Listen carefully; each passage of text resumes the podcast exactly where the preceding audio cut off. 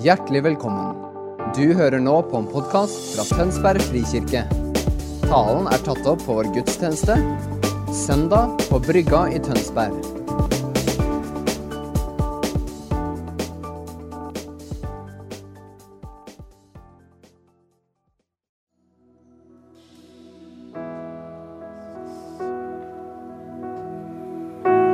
Herre, takk for privilegiet å få lov til å løfte vårt indre blikk, troens blikk. Feste blikket ditt nådefulle ansikt. Som fortsatt er akkurat sånn som Johannes vitna om det. Full av nåde og sannhet.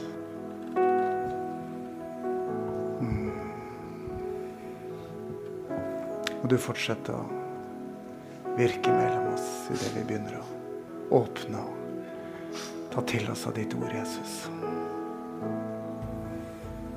Må du virke med både nåde og sannhet i vårt indre. Jesus, du er vår Herre. Det er deg vi følger. Det er deg vi tror på. Det er deg vi tilber med alt vi er. Alt du har gitt oss nåde til å være.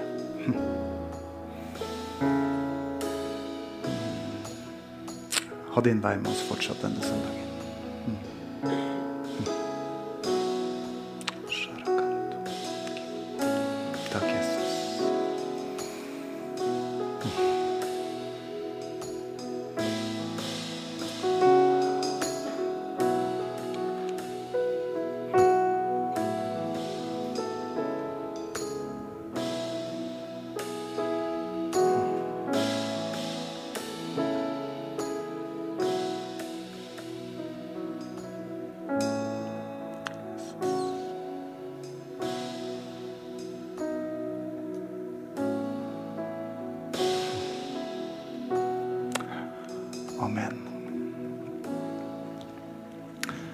Det er noen ganger dere hvor ord blir litt sånn unødvendig og forstyrrende.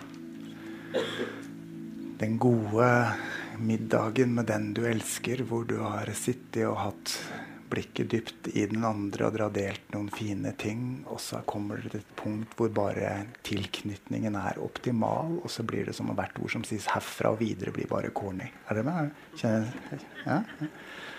Sånn er det av og til når vi står i tilbedelse. Og vårt åndelige indre blikk har fått lov til å feste fokus på Han. Det er nesten sånn at uansett hva vi sier i forlengelsen, så blir det litt rart. Da er det fristende å bli stående, og det har vi, det har vi gjort. Husker første, Det var vondt for forfengeligheten. Første Åpen himmel-konferansen jeg skulle opp og tale på søndag formiddag, Guds nærvær var så mektig i rommet at jeg falt på kne, og der lå jeg i 45 minutter, og det ble ikke noe tale. Veldig vondt for forfengeligheten, det var den talen. Men, men, eh, men, men det var en veldig spesiell søndag. Vakkert. Um, vi, uh, vi, skal inn i del to av tematikken tilbedelse. Og uh, overskriften i dag er 'Familien i tilbedelse'. Gleder meg til å tale over det. Um, straks kommer uh, kulturperspektivet opp på, på skjermen. vi har jobba nå siden i våres med å undervise kulturene våre, og det skal vi fortsette med helt fram til advent. faktisk. Nå er vi på den siste. Uh, nemlig nest siste, mener jeg. Tilbedelse.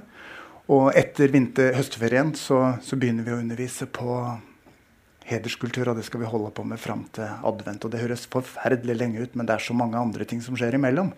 Eh, at så lenge er det faktisk ikke. Men når vi lander inn der, da tror vi vi har fått gjort en god jobb. Og jeg gleder meg over tilbakemeldingene fra dere om at når vi nå jobber med å undervise ut fra Guds ord om de kulturene vi har sagt er våre, så, så lander det. Og så hører jeg tilbake fra dere at ja, dette er oss. Dette er bra. Dette er det vi er. Dette er det vi er kalt til å være. Og vi har jobba på denne måten i mange år. Sant? Og vi sier at når folk kommer inn til oss, så sier vi kom med hva du vil, og vær den du er. Men hvis du vil være med her, så sier du også ja til å gjøre disse kulturene til dine. Altså med andre ord, Disse fem aspektene skal ha et nedslag og et uttrykk i livet ditt. Eh, fordi vi tror at ved å leve på denne måten, så uttrykker vi, og så er vi det vi er kalt til å være fremfor alt Tønsberg frikirke. Og det er forskjell på vår kirke og andre kirker. Ikke kvalitetsforskjeller, men allikevel innholdsforskjeller. Fordi Gud har gitt noe særskilt til oss, og noe til noen andre. Så Derfor så underviser vi dette, og så ønsker vi samtidig at det ikke skal bli et trangt rom, men et rom med mangfold og et rom med mange ulike uttrykk. Og det er klart, neste slide, når, når jeg skal undervise litt om tilbedelse nå, dere, så er det, altså, det er jo i et hvilket som helst selskap med gode kristne søsken hvor du åpner tematikken tilbedelse og sangform i gudstjenesten, så har du det gående resten av kvelden. Sant? Det er ikke noe tema som kan fyre oss så mye, og hvor synspunktene er så mange. Og hvorfor det? da, dere? Jeg tror det har med kjærlighetsspråk å gjøre. Eh, ikke sant? Hvis du i ungdommen, sånn som meg, da, jeg begynner å bli voksen, sølvgrå og fin eh, så, ikke sant? Jeg husker jo ungdommen at vi satt eh, i TenSing-bevegelsen med alle de jentene vi likte rundt oss, og med Vår Herre over oss, og så sang vi 'Fall til ro, og mer salig blei det ikke'. Det er klart at fall til ro er vakkert for meg, og at jeg blir øm om hjertet når vi synger den igjen. Og så er det andre som går enda lenger tilbake og har samme andre fortellinger, men som knytter noe til det. Og så kommer vi inn her, og så har vi gjort dette valget i Tønsberg frikirke at vi er en flergenerasjonsmenighet med et kulturelt uttrykk prioritert på unge voksne. Og det er det mange av oss som betaler en pris for. Det er lenge siden jeg hørte 'Fall til ro'. Og det er lenge siden noen av dere hørte den sangen dere er mest glad i.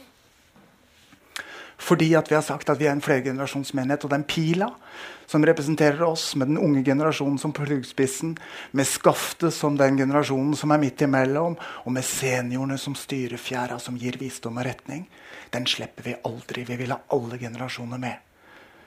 Men uttrykket vårt skal matche de unge voksne. Det Egil Svartdal kalte nøkkelgenerasjonen.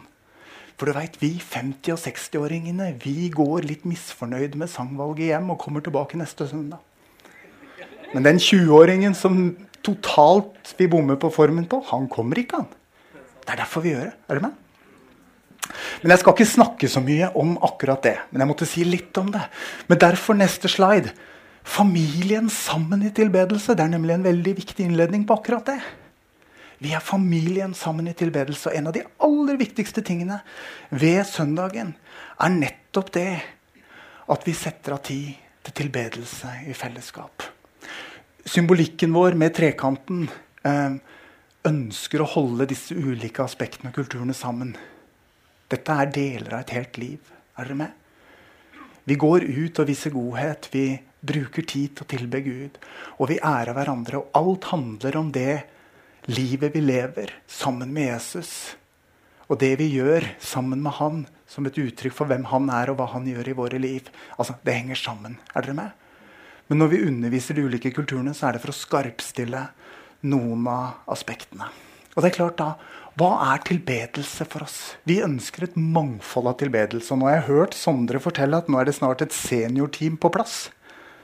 Så da skal noen av oss eh, Nei. Jeg er ikke så eh, Nei, og den gata går jeg ikke inn i. Jeg går tilbake. Eh, da kommer det et helt annet uttrykk på podiet. En nøkkelgenerasjon. Eh, eh, uttrykket. Og det skal vi ha fra tid til annen. Men poenget er at vi ønsker å ha bredden av tilbedelse representert i vår familie. For vi er familien sammen. Og noen syns at det er forferdelig lenge vi skal holde på med denne tilbedelsen. Ja. Hvis det var en aktivitet vi kunne velge litt ut og inn, så er det så. Men hvis du hopper tilbake til det øyeblikket jeg malte for dere for et øyeblikk siden Den daten, den middagen, den connection Det var ingen av dere som kikka på klokka da. Når tar dette slutt? Og det er det vi ønsker å oppnå.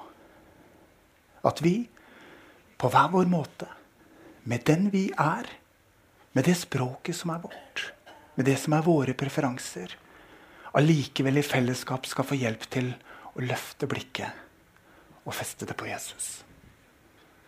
Og da har vi stor raushet for ulike trosspråk, ulike former, ulike preferanser.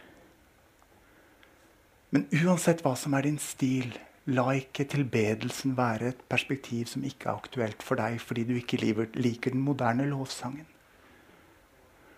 De som uh, ikke fikk med seg forrige søndag, gå gjerne inn på podkasten og hør Sondre som forkynte del én av tilbedelse forrige søndag. Et vakkert og helhetlig perspektiv på tilbedelse. Veldig verdt å få med seg. Tilbedelse er en helhet. Det er et helt liv. Men her, når vi møtes i fellesskap, så har det noen fellesskapsuttrykk. Vi synger disse sangene. Noen av dere setter dere ned og lukker øynene. Andre står og løfter hendene. Noen spretter plutselig opp på scenen og begynner å danse. På konferansen har vi til og med staffeliet på plass. Og jeg ser du er her, Helena. Du har malt i lovsangen mer enn én gang. Alt sammen uttrykk, fysiske uttrykk for en respons på og et ønske om å ære Gud. Og det vi gjør her, er bare med å sette oss i en bevegelse som er ment å gjennomsyre alle dagene våre, alle øyeblikka våre Hele vårt liv er ment å være til Guds ære. Både det jeg gjør for meg selv når ingen ser på, det jeg gjør i fellesskapet her når vi er sammen, og alle andre kontekster der ute i hverdagen. Vi er ment å leve til Guds ære. Og ved Hans nåde og med den kraft Han gir oss ved sin ånd, så er vi i stand til det. Og så er det nåde for det som ikke funker. Det er sånn vi lever. Men målet vårt er å søke hans ansikt. Og jeg vet ikke altså, For oss som har vært i denne kirka lenge, så er det vi er, og det vi har, vanlig. Men vi hører mange som kommer på besøk hos oss, som gjenkjenner en erfaring av Guds nærvær i huset som for de er spesielt. Og jeg sier det bare for at vi skal få et lite speil, og for å si det der er vår skatt. Det at vi får lov til å komme sammen her, i kinosalen, hvor det vises alt mulig annet enn det ikke sant? Skjønner du hva jeg mener? Det er jo ikke plassen. Men det er han som velger å komme fordi han er trofast mot det han selv har sagt at han vil være i vår midte. Og dere, Um, jeg sa på menighetsmøtene og innleda også, men jeg skal gjenta det her. Unnskyld meg, jeg er veldig forkjøla, så jeg må bare ordne meg litt. Sånn. Um, alle ord i Bibelen er mektige til å skape det de nevner over våre liv, og er inspirerte ord som gir oss retning. Men noen ord blir gitt oss som profetiske ord som rema-ord, som særskilte ord, til vår kirke spesielt. Og det, det, behandler vi ikke med lettvinthet. For at et ord skal bli gjenkjent som et profetisk ord til vår forsamling, så holder det ikke at en av dere reiser dere opp og uttaler det. Når vi får et budskap som vi kjenner vekten på, så tar vi det til Eldsterådet, prøver det, ber over det, anerkjenner det, og først da kommer det opp her på prekestolen som et profetisk ord til huset. Og i 2017 fikk vi et sånt ord. Og det var en tiltak hvor Gud sier, 'Jeg vil reise Davids tabernakel over kirka deres.' Og dere skal kalle ut Levi stamme. Det var veldig kryptisk i begynnelsen. Så begynte vi å forvalte det, og så begynte vi ta neste slide. Og så begynte vi å jobbe med det. Og så begynte vi å skjønne hva det her handler om. Og den erfaringen av Guds nærvær i vår midte når vi kommer sammen i bønn og tilbedelse, er en erfaring av noe Gud har sagt at han vil gjøre. Og som han derfor gjør fordi han er trofast mot sitt ord når han har talt. Um, og Vi jobba mye med dette. her. Jeg vil reise Davids tabernakel over huset deres. Hva betyr det? Og så leste vi Amos-teksten i dag. Eh, jeg vil igjen reise opp i en Davids falne hytte. Opp med han alle de som umiddelbart skjønner hvilken hytte det er. Var det Blefjell eller Kong... Nei. Hvilken hytte var det? Altså, Vi kunne gått inn i den teksten der og snakka noe om hvilket profetisk løfte er det til Israel. Det, Dag Øyvind, det skal du få gjøre en gang isteden. Jeg vil heller gå tilbake og finne ut hva er det den teksten viser tilbake på. Og da ser dere referansen her. Og de av dere som har med dere Bibel, gå gjerne inn der. 2. Samuel 6 og 1. krønike 13-16, for der skjer det noe. Jeg skal gjenfortelle det kjapt, for det har med Davids tabernakel å gjøre. Når Gud sier noe, så har vi sagt ja til det. Og så går vi inn i ordet for å finne ut hva var storyen i utgangspunktet. Og så må vi finne ut hva gjør vi med det. Og det handler om en familietilbedelse. Vi ble litt forstyrra av dette at vi skulle kalle ut Levis stamme, for levittene har jo en funksjon i Bibelen. Og det leser vi om også i den nye pakt. Levittene i den nye pakten. Det skal jeg ikke snakke om i dag. For i dag handler det om fellesskapet, familie, i tilbedelse. Og der spora vi av. Men grunnen til um, at vi erfarer faktisk en større salvelse, om du vil, en større erfaring av nærvær i vår store forsamling enn på bønnemøtene, er dette løftet. Det er en invitasjon fra Herren til et, et kollektiv, en familie, i tilbedelse han har invitert oss inn til. Og hva er denne Davids falne hytte? Jo, konteksten er den. Og da er jeg 2. Samuel 6. Og grunnen til at jeg setter opp begge to, er fordi at krønikebøkene er skrevet etter eksilet, etter at eh, israelittene igjen fikk lov til å komme tilbake fra Babylon. Og de skulle gjenreise det som var tapt. Og da har de mye mer kunnskap og de er mye mer oversikt, og du får mye mer detaljer der. Men den opprinnelige historien den finner vi i 2. Samuel. Og greia er at David har blitt konge. Og David er ikke en hvilken som helst konge. Han er tilbeder mer enn han er regent. Så han vet at når han blir konge, så er det første og det viktigste han gjør, det er å sette på plass tilbedelsen i Jerusalem og for nasjonen. Se for dere David vinner valget i Norge. Det er ikke Jonas, det er David. Og det første han gjør, er å si at en tredjedel av statsbudsjettet skal gå til bønn og tilbedelse. Det er like sprøtt da som nå. Det var det han gjorde. Og skulle man tilbe Gud, så måtte vi ha det sterkeste uttrykket for Guds nærvær i fokus. Så han reiser for å hente paktsarken. Og de går av gårde. Og litt ustø er de. Og Ussa han tenkte han skulle redde kalaset, men det gikk veldig galt. For han strekker hånda fram for at ikke denne paktsarken skal gå over ende, og forgår på stedet. Alt sammen står der i andre Samuel 6. Herrens nærvær. Ja, det er mer enn gåsehud og god stemning. altså. Hørte akkurat et vitnesbyrd fra en av våre som fortalte om hvordan vedkommende hadde erfart at Guds nærvær kom på en måte som nærmest gjorde fysisk vondt. Summen var god. Og vedkommende ville ikke vært erfaringen foruten. Men det var noe voldsomt. Guds nærvær, altså. For David i alle fall, så blir det nei, kjære vene, tenker David. Dette blir for mye av det gode. Så han setter igjen paktsarken hos Obed Edom. Jeg vil ikke ha med den pak eh, paktsarken å gjøre, så Obed Edom han kan ha den. Greia er at i løpet av de tre månedene som den paktsarken står hos Obed Edom, så blir hele Obed Hedoms hus velsigna. Hva lærer vi av det? Det er velsignelse forløst i Herrens nærvær. På alle omstendigheter. Og det flyter ut i det naturlige på alle områder. Så de få gangene vi møter Obed Edom igjen, han er ikke en veldig sentral fyr i Bibelen, så er han hakk i hæl med paktkista. Hvorfor? Han har fått tak i nærværet. Han har fått prioriteten satt i livet sitt. Og det er én ting som er i fokus. Han er hakk i hæl. Men så går det som det går. Og David han henter eh, paktsarken igjen og tar den inn til Jerusalem. Danser foran paktsarken i bare underklærne, så det står at Mikael, kona, hun, hun ble veldig lite glad for akkurat det. Til gjengjeld ble hun barnløs. Det skal, det skal jeg i hvert fall ikke gå inn i.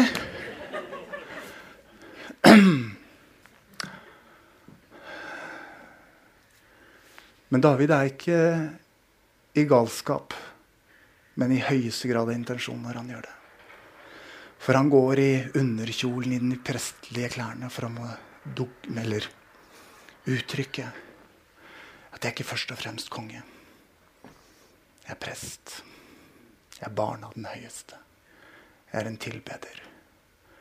Og jeg ydmyker meg under Han som har vært all ære. Ja.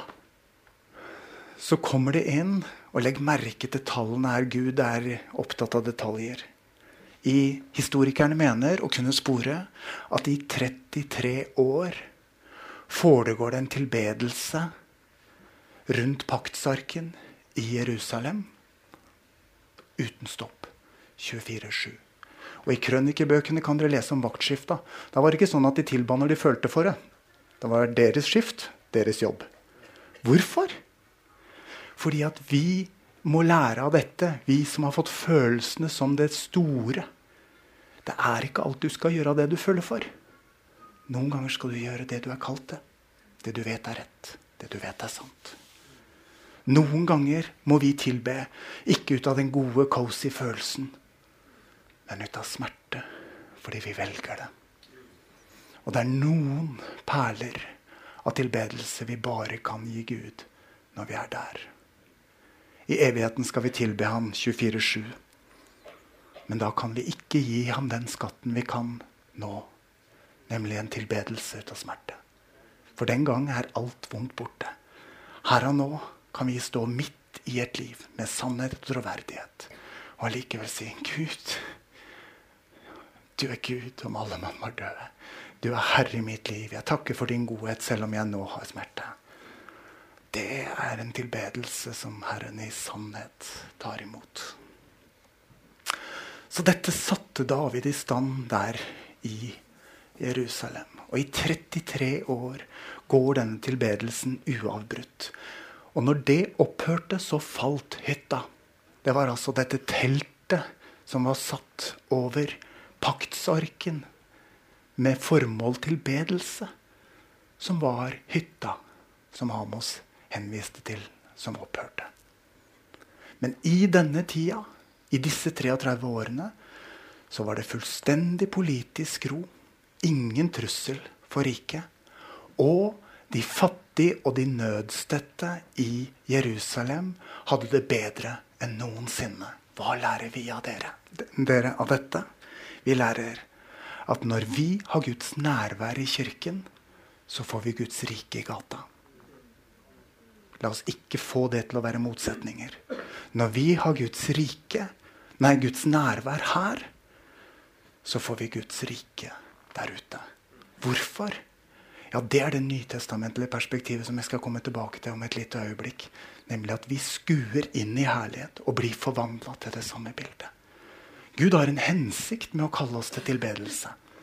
Og det er dette vi skal være i dag. Men da har dere fortellingen. Så når Gud sier til Tønsberg frikirke jeg vil reise Davids tabernakel og huset deres, så mister jeg nesten pusten bare av å snakke om det. Fordi det er en erfaring av hans nærvær og hans forvandlende kraft som gjør noe med alle deler av vårt liv. Dette er vårt kall som kirke. Og det er derfor vi går etter det så målretta som vi gjør.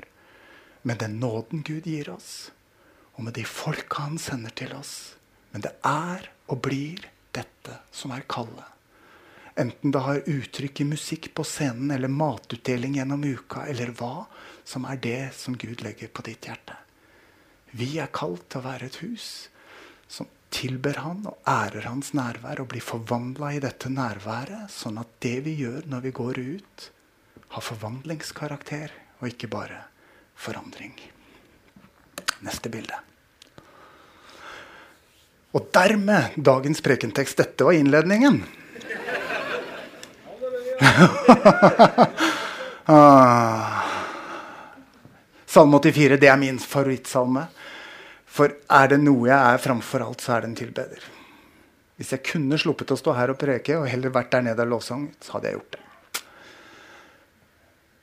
Ja, Vi skal lese salmen, og så skal vi dvele litt ved akkurat de orda som jeg har satt opp på veggen. Slå gjerne opp i Bibelen og bli med meg. Dette er en vanvittig vakker salme. Hvor elskelige dine boliger er, Herren Sebat. Jeg lengta, jeg fortærte sa lengsel etter Herrens forgårder. Nå jubler hjerte og kropp mot den levende Gud. Spurven har funnet et hjem, og svalen har fått seg et rede hvor den legger sine unger. Ved dine altre, Herren Sebat, min konge og min Gud. Salige er de som bor i ditt hus, de skal alltid love deg. Salig er de som har sin styrke i deg, de som lengter etter å dra opp til tempelet. Når de drar gjennom bakka, trærnes dal, gjør de det til en kildevel, og høstregnet legger sin velsignelse over den. De går fra kraft til kraft til de trer fram for Gud på Sian. Herre herskarnes Gud, hør min bønn. Vend øret til, du Jakobs Gud. Gud, vårt skjold, vend blikket hit, se på din salvedes ansikt. Ja, en dag i dine tempelgårder er bedre enn tusen andre. Å ligge ved terskelen til min Guds hus er bedre enn å bo i lovløses telt. For Herren Gud er sol og skjold, Herren gir nåde og ære. Han holder ikke tilbake det gode for den som er hel i sin ferd. Herren ser på at salig er den som setter sin lit til deg. Fantastisk salme. Nesten vanskelig å vite hvor du begynner.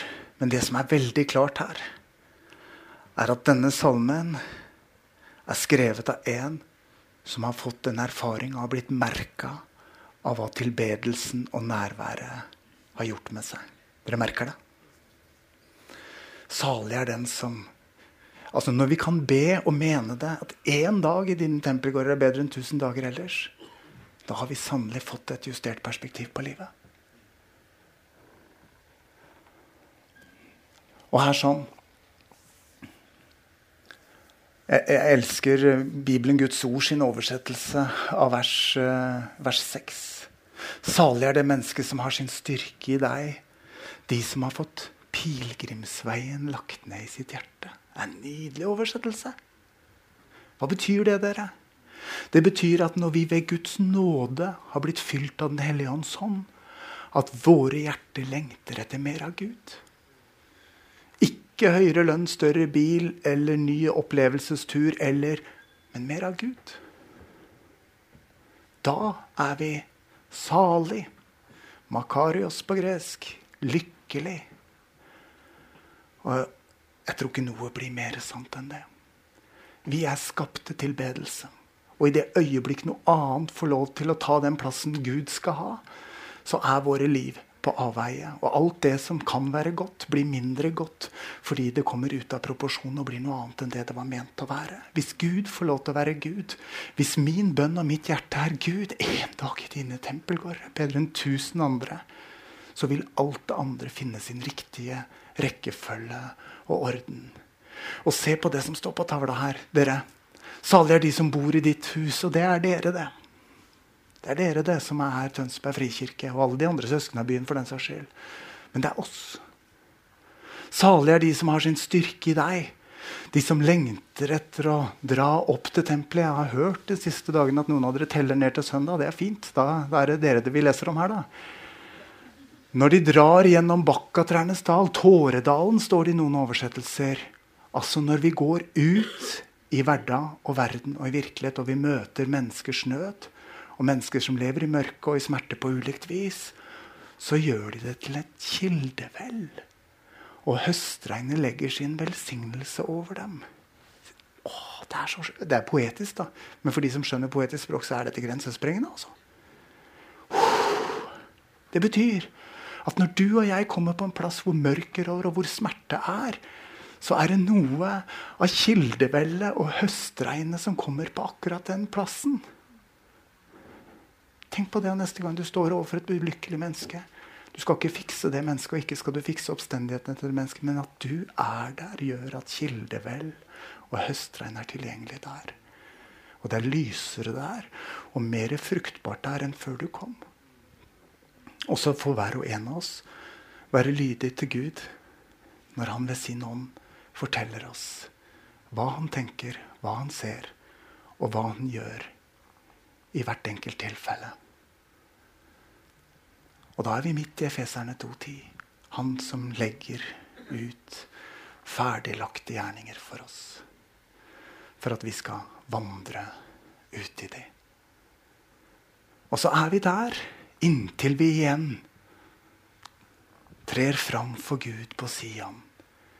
Men i mellomtida går vi fra kraft til kraft. En kraft vi ikke har i oss selv, men fordi at livsrytmen vår har blitt denne pulsen av å søke Hans ansikt og gå ut. Søke Hans ansikt og gå ut. Søke Hans ansikt og gå ut. Så går vi fra kraft til kraft. Neste bilde. Så invitasjonen er altså å søke hans ansikt. Sette opp alle punktene på venstresiden med en gang. Ja. Alle tilber vi noe. Vi som tror, og alle andre. Og noen ganger må vi la noe være litt brutalt sant for å få hjelp til å korrigere. Noen ganger har noe fått lov til å ta Jesus sin plass i våre liv. Det kan være gode ting. Men tenk etter for deg selv, og våg ærlighet et øyeblikk. Jeg syns det var så nydelig med Johanne som delte så ærlig. Om at hun ba om at Gud skulle avsløre løgner i hennes indre. Be Hellige om Gud. Er det noe i mitt liv som har fått tatt den plassen du skal ha? Og så hør hva han sier til deg. Bibelen er full av uttrykk om Guds ansikt. Som er et uttrykk for Guds helt konkrete, erfarbare nærvær og handling i og med våre liv. Og det er utallige oppfordringer til å søke Hans ansikt. Og da skal vi over i det nytestamentlige perspektivet. Neste punkt. Første, andre Korinterbrev 3, 17, 18. For der ånden er, der er frihet. Og vi som med utildekka ansikt skuer inn i herlig, Herrens herlighet som et speil. Vi blir alle forvandla til dette bildet. Fra herlighet og til herlighet. Og det skjer ved Guds ånd. Og da er det ikke så farlig hva som er mitt uttrykk, hva som er min preferanse når jeg tilber. Gud kan tilbes i alle formspråk og i alle uttrykk. Men hvis mitt liv kretser mer om karrieren eller barnebarna eller hytta eller fill in the blanks enn rundt han, så er det et kall til å vende om. Til å overgi. Ikke for å miste, men sannsynligvis for at livet igjen skal få riktige proporsjoner. For at han skal få lov til å ha førsteplassen i livet. Hvis ikke alteret i livet vårt er på plass, så vil det meste andre i livet komme på gal plass. Vårt kall som kirke og som enkeltmennesker er å søke Hans ansikt. Og ut ifra det Gud gir oss da, leve det livet han gir oss nåde til. Og så ser det enten ut som lovsang på Spotify eller stille Jesus-meditasjon over en åpen bibel, eller turer i skog og mark hvor du lytter både inn og ut og opp. Det, det ser ut som masse forskjellig. Men det er min bønn, dere, at samtidig som vi etablerer alteret i våre fellesskap og i gudstjenesten, at vi hver og en også etablerer våre altere i våre egne liv. Så vi sikrer at Jesus er på tronen. For da blir vi på en helt annen måte i stand til å forvalte det livet han har gitt oss, de ressursene han har betrodd oss, på en måte som vil gjøre Tåredal til kildevel. Hvis Guds nærvær får ha oppmerksomhet i kirken og i våre liv, så vil Guds rike være tilgjengelig ute i våre gater. Siste bilde. Å tilbe er på en måte som å stoppe opp av og til og beundre verket. Ikke bare springe videre, ikke bare gjøre, men stoppe opp og beundre Han. Og beundre Han for det Han har tatt deg med på den siste uka og fokusere på han for det han vil ta deg inn i, i den uka som kommer. Disippelgjøring har jo både en undervisningsside og en praksisside. Jeg lærte Mathias å pusse båt. Dette høres ut som en avsporing, men det er ikke det. altså. Så sier jeg til Mathias når du er ferdig med å polere båten Det aller viktigste med båtpussen er tre skritt tilbake, og så beundre verket. Så var det et år jeg var sjuk. Så står jeg oppe og kikker ut på båten. Så ser jeg han er ferdig, og så ser han Å, da ble jeg varm om hjertet. Det er det tilbedelse handler om, dere. Ikke løpe som eh, marsvin i et hamsterhjul eller hamsterhjul no, det, det, Hvorfor den koblinga? Jeg vet ikke. Ikke løpe i vei. Ikke springe på. Ikke makse det vi kan få til. Men av og til stoppe opp og beundre Han og Hans verk. I meg, i oss, i den verden som er vår. For hele jorden hører Han til. Sannelig er det viktig at tilbedelsen har et uttrykk i våre liv. At alteret er på plass. At vi stopper opp regelmessig, tar tre skritt tilbake og beundrer verket. Jeg ber en bønn. Lovsangstime kan komme opp. Mm. Mm. Takk, Herre, for din tiltale til vår kirke. Herre, du er så velkommen til å fortsette å reise ditt tabernakel, ditt herlighetsnærvær, i vår midte. Gi oss nåde, Herre, til å forvalte det du gir oss, på en sånn måte at mange, mange, mange mennesker blir velsigna og får kjenne deg og erfare din godhet. Ha din vei med oss som enkeltmennesker. Ha din vei med oss som menighetsfamilie. Gi oss nåde, Herre, til å være den familien som samstemt og i én ånd løfter våre hjerter til deg. Takk for velsignelsen du forløser gjennom deg. Amen.